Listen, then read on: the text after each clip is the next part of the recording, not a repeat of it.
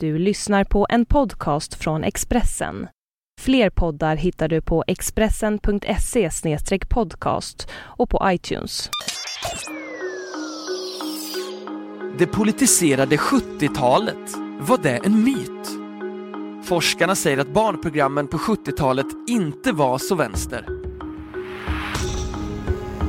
Du lyssnar på Expressen Dokument, ett fördjupningsreportage varje dag med mig, Johan Bengtsson, som idag läser Karin Sörbrings text som handlar om att forskarna säger att barnprogrammen på 70-talet inte var så vänstervridna. De påstås ha indoktrinerat en hel generation. Men var 70-talets barnprogram verkligen så vänster som ryktet gör gällande? Och striden om barn-tv är igång igen.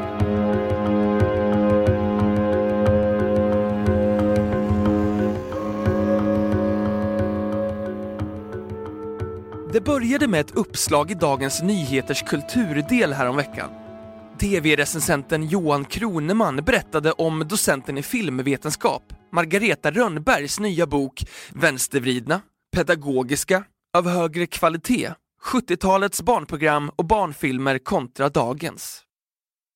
Han menade att minnet ljuger och att barn-tv inte alls var som han senare påstått.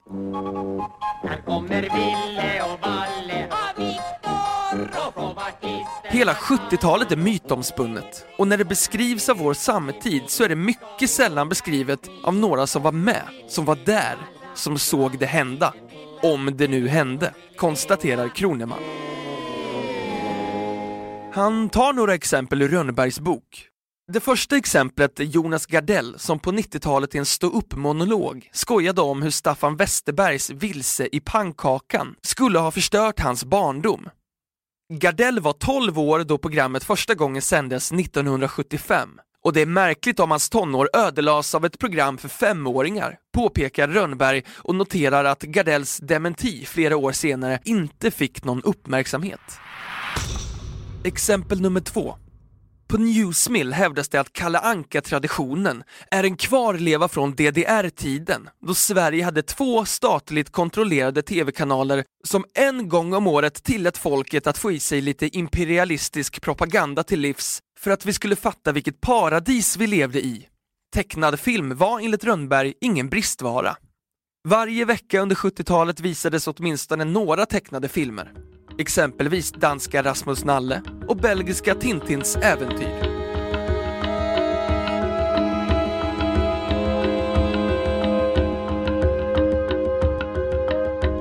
Expressen Dokument, en podcast från Expressen.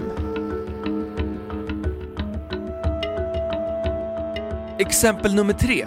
Johan Ingerö som idag är presschef hos socialminister Göran Hägglund i KD, men som 2006 till 2007 skrev i sin blogg “Vem minns inte de magnifikt propagandistiska indoktrineringsprogrammen Ville, Valle och Viktor och Kapten Zoom?” Kapten Zoom, Kapten Zoom, Ville, Valle och Viktor har inte repriserats efter 1978, samma år som Ingre föddes och finns varken på VHS eller DVD, framhåller Rönnberg. Artikeln i DN väckte starka känslor. Morgon-TV och Studio 1 ville genast att Margareta Rönnberg skulle debattera barn-TV. I radions kulturprogram Nya vågen ondgjorde sig Peter Santesson från näringslivets tankesmedja Timbro över hur 70-talets barnprogram påverkade de unga. Margareta Rönnberg själv tar dock uppståndelsen med ro. Hon har som forskare följt barn-tv-utvecklingen sedan 70-talet. Inför den nya boken närstuderade hon 11 000 programpunkter från hela 70-talet och gick i detalj igenom avsnitt från exempelvis Ville, Valle och Viktor, Tårtan och John Blund. Hejsan alla barn och hejsan Karin. Hej John Blund. Det är sista kvällen, vet du det? Ja, det vet jag. Nu ska du presentera din allra sista avskedssaga. Det handlar helt enkelt om hackspetten som hjälper herr och fru Bever pundig, en jättepundig räv. Det är ett ord som har kommit för att stanna. Det är inte värre än knasig eller dum.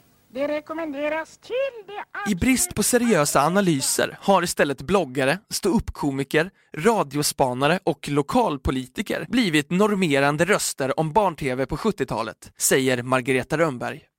En av dem som har kritiserat utbudet mest är Johan Ingerö. Han menade att skådespelaren Anders Linder, Valle i Ville, Valle och Viktor, spridit sin rödgröna dynga i SVTs yngsta tittares öron i nästan 40 år och anmälde 2007 programmet Tillbaka till Vintergatan, där Linder hade en av huvudrollerna till granskningsnämnden. Det är möjligt att jag för 6-7 år sedan sa någonting om Anders Linder som var lite väl spetsigt. Men jag tycker att man måste ha respekt för att vårdnadshavare och licensbetalare kan ha synpunkter på att politiska pamfletter dunkas i våra barns huvuden, säger Johan Ingerö. Han har läst Kronemans artikel där man gör en poäng av att Ingerö rimligtvis inte kan ha något minne av Ville, Valle och Viktor. Jag har kassetter och en LP med Ville, Valle och Viktor som jag fick ärva av mina stora systrar när jag som fyraåring var hemma med vattkoppor. Då var jag nog för liten för att förstå det politiska budskapet i att direktörer beskrevs som onda och att man tog ställning mot bilismen och för vindkraft. Men jag minns att jag tyckte att det handlade om samma saker som på nyheterna. Man måste vara väldigt blind för att inte se att det var vänstervinklat, säger Johan Ingerö.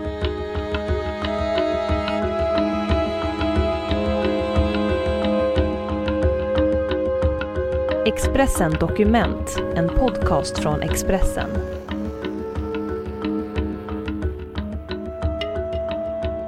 Margareta Rönnberg menar att svenskarnas uppfattning om 70-talets barn-tv delvis grundar sig på den högst subjektiva dokumentären John Blund, en socialistisk hjälte, av norskan Jannike Systad Jakobsen, som visades i SVT fyra gånger under 2006.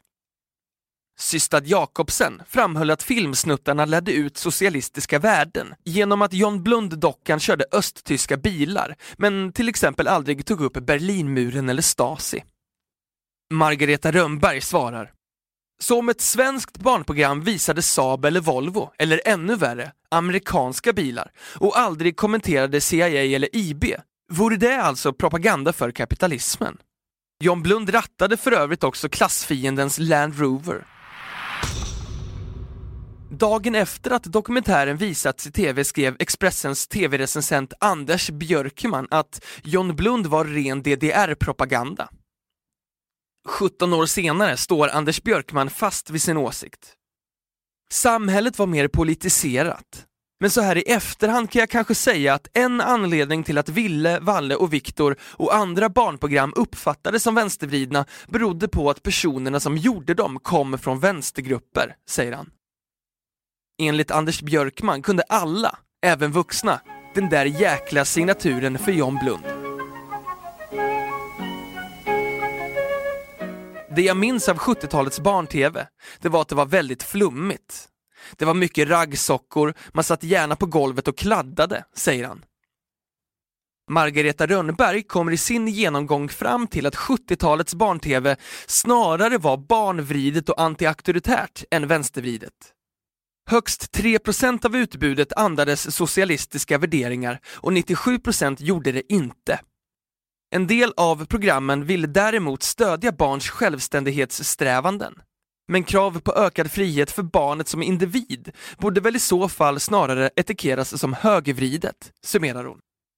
Anders Linder, alias Valle, som idag är 71 år och fortfarande jobbar som skådespelare, tycker att han och kollegorna i de fria teatergrupperna ifrågasatte diktaturer av såväl marknads som vänsterslag. Än idag kommer folk på tunnelbanan fram och tackar Anders Linder för Ville, Valle och Viktor och Kapten Zoom, eller bjuder på en öl på krogen.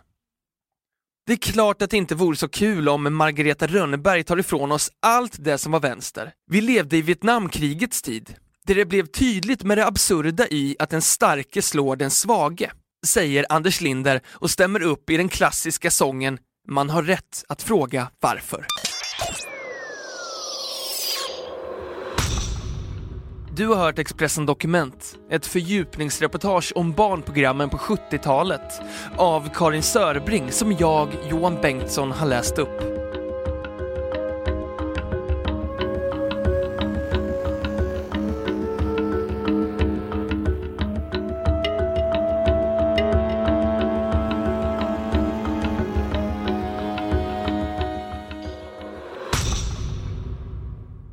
Du har lyssnat på en podcast från Expressen.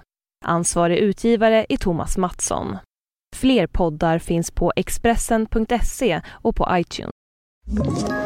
Ett poddtips från Podplay.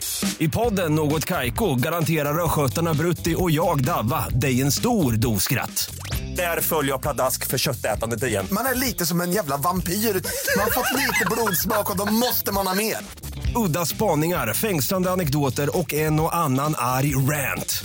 Jag måste ha mitt kaffe på morgonen för annars är jag ingen trevlig människa. Då är du ingen trevlig människa, punkt. Något Kaiko, hör du på Podplay. Därför är gardinerna.